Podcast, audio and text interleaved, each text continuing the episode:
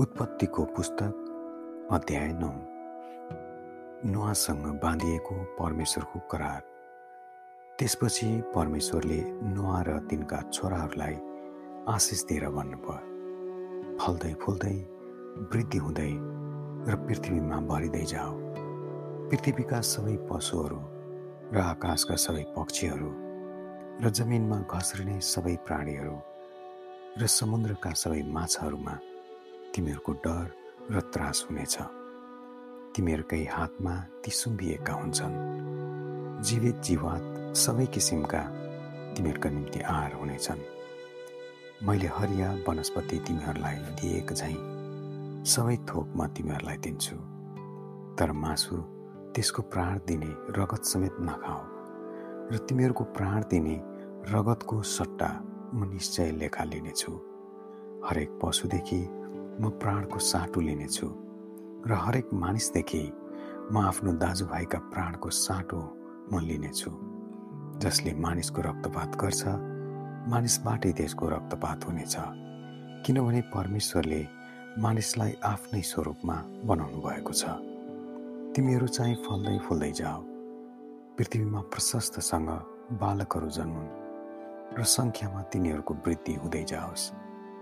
तब परमेश्वरले नुहा र तिनका छोराहरूलाई यसो भन्नुभयो तिमीहरू र तिमीहरूका भावी सन्तानसित तथा जहाजबाट तिमीहरूसित निस्केर आएका सबै जीवित प्राणीहरू अर्थात् पक्षीहरू पालिने पशुहरू वन पशुहरू तिमीहरूसित भएका पृथ्वीका सबै जीवजन्तुहरूसित म मेरो करार स्थापित गर्दछु। म तिमीहरूसित मेरो यो करार स्थापित गर्दछु कि सबै प्राणी फेरि कहिले प्रलयको पानीले नष्ट हुने छैनन् अनि पृथ्वीलाई सर्वनाश गर्न फेरि कहिल्यै जलप्रलय हुने छैन। अनि परमेश्वरले भन्नुभयो जुन करार मेरो र तिमीहरू र तिमीहरूका साथमा भएको हरेक जीवित प्राणीको बिचमा सबै पुस्तौँसम्मको निम्ति म ठहराउँदैछु।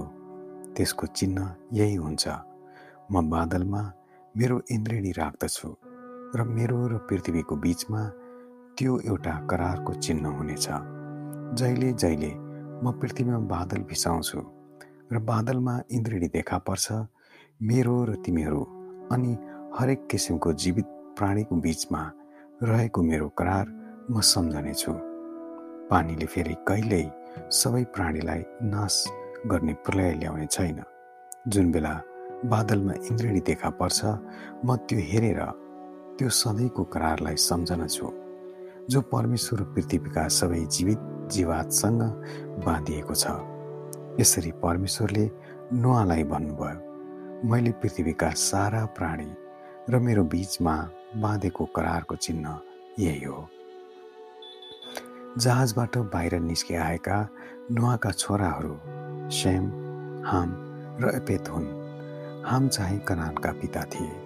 नुहाका छोराहरू यिनै तिनजना थिए। यिनीहरूबाट समस्त पृथ्वी भरियो।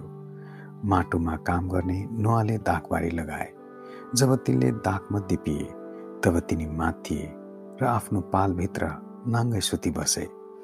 कनानका पिता हामले आफ्ना पिताको नाङ्गोपन देखेर बाहिर आए आफ्ना दुवै दाजुहरूलाई बताइदिए। तर सेम र एपेतले एउटा लुगा लिए र दुवैले आफ्ना काँधमा हाले र पछिल्तिर सर्दै सर्दै गएर तिनीहरूले आफ्ना पिताको नग्नता ढाकिदिए। तिनीहरूका मुख पछिल्तिर फर्किएको हुनाले तिनीहरूले आफ्ना पिताको नाङ्गोपन देखेनन्। जब नुहालाई मध्येको निन्द्राले छोड्यो र तिनका कान्छा छोराले गरेको कुरा तिनले थाहा पाए तब तिनले भने श्रापित होस् कनान। त्यो आफ्ना दाजुभाइहरूका कमाराको पनि कमारा हुनेछ। तिनले यसो पनि भने सेमका परमप्रभु धन्यका हुन्। कनान त्यसको दास होस्। परमेश्वरले एपेतको वृद्धि गरून् र त्यसले सेमको पालमा बास गरोस् र कनान चाहिँ सेमको कमारो होस्। जलप्रलयपछि नुहा साढे तिन सय वर्षसम्म बाँचे।